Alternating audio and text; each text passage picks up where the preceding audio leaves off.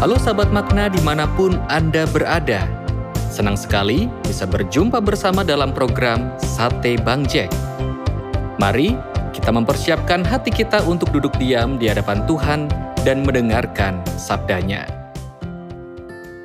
Bacaan hari ini diambil dari Kolose 3 ayat 17. Dan segala sesuatu yang kamu lakukan dengan perkataan atau perbuatan, lakukanlah semuanya itu dalam nama Tuhan Yesus sambil mengucap syukur oleh dia kepada Allah Bapa kita.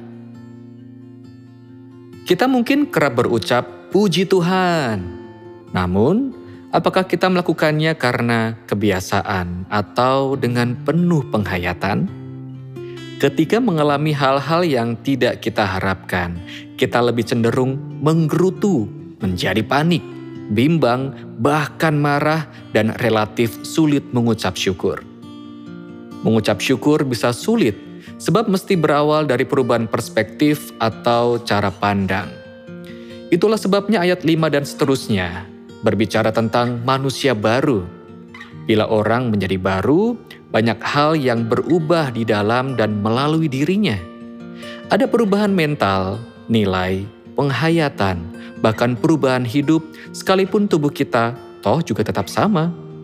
Ketika orang sudah menjadi baru, ketika ia sudah cerah, udahlah ia mensyukuri segala sesuatu.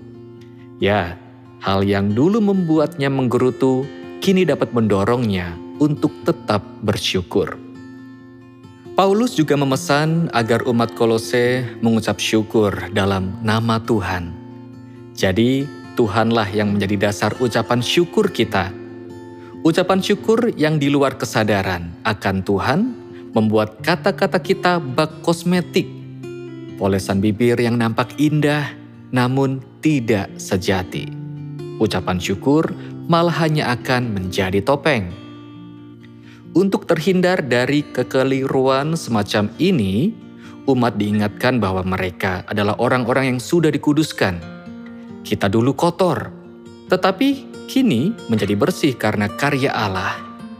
Jika kita selalu mengingat karya Allah yang sedemikian mengakar dan mendasar ini, mudahlah bagi kita untuk mengatakan bahwa semua hal akan menjadi baik, sembari mengungkapkan rasa syukur dengan ketulusan.